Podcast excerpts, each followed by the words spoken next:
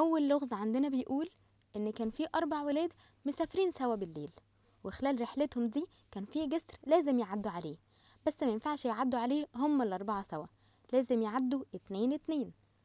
وكان في مصباح واحد بس وما ينفعش طبعا يعدوا من غير المصباح لازم حد يفضل رايح جاي علشان المصباح يبقى معاهم. وللأسف الجسر ده لازم يعدوه في ربع ساعة بس. الأربع ولاد دول كان أساميهم أحمد وإبراهيم وعيسى ويوسف. أحمد يقدر يعدي الجسر في دقيقة وإبراهيم يقدر يعدي الجسر في دقيقتين وعيسى يقدر يعدي الجسر في خمس دقايق. أما يوسف يقدر يعدي الجسر في 8 دقايق. تفتكروا مفروض هيعدوا إزاي الجسر ده؟ في ربع ساعة بس. عمرك فتحت فيسبوك ولقيت بوست؟ لمسك قوي من جوه؟ عشان حسيت ساعتها إنه بيرد على أسئلة كتير محيراك. ويمكن كمان كانت بتخليك ما بتعرفش تنام طول الليل من كتر التفكير فيها. ده غير بقى البوستس اللي مغرقة الفيسبوك وبتقول أنت فاتح دلوقتي عشان الرسالة دي ليك. يمكن في مرة من المرات حسيت إنها فعلا ليك. يمكن يكون ده عشان مش لازم على فكرة يكون عشان حاجة كفاية بس إنها تكون وصفت مودك في وقتها. كم مرة فتحت الراديو ولقيت المذيعة بتتكلم في موضوع مهم. شدك قوي لدرجة خلاك تكمل معاها الحلقة لحد الآخر. وطلعت بمعلومات مفيدة قوي بالنسبة لك. طيب عمرك فكرت إن دي رسالة من ربنا ليك؟ أصل ربنا خلقنا وخلانا موجودين في حياة بعض عشان نفضل طول الوقت بنوصل رسايله.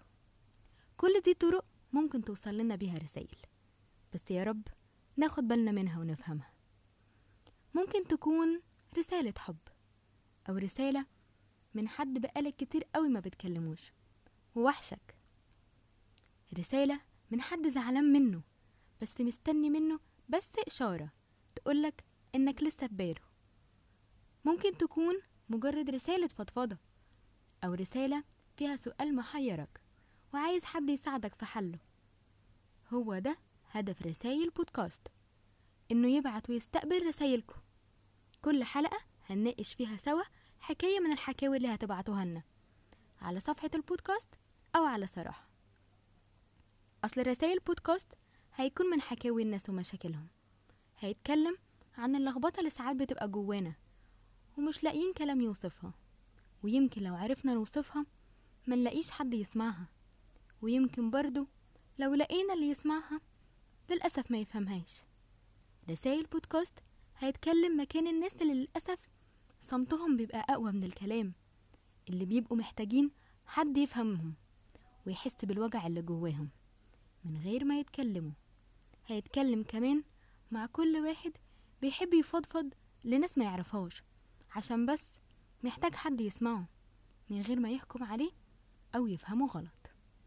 أنا نورهان استنوني كل يوم جمعة في رسائل بودكاست على راديو نتام.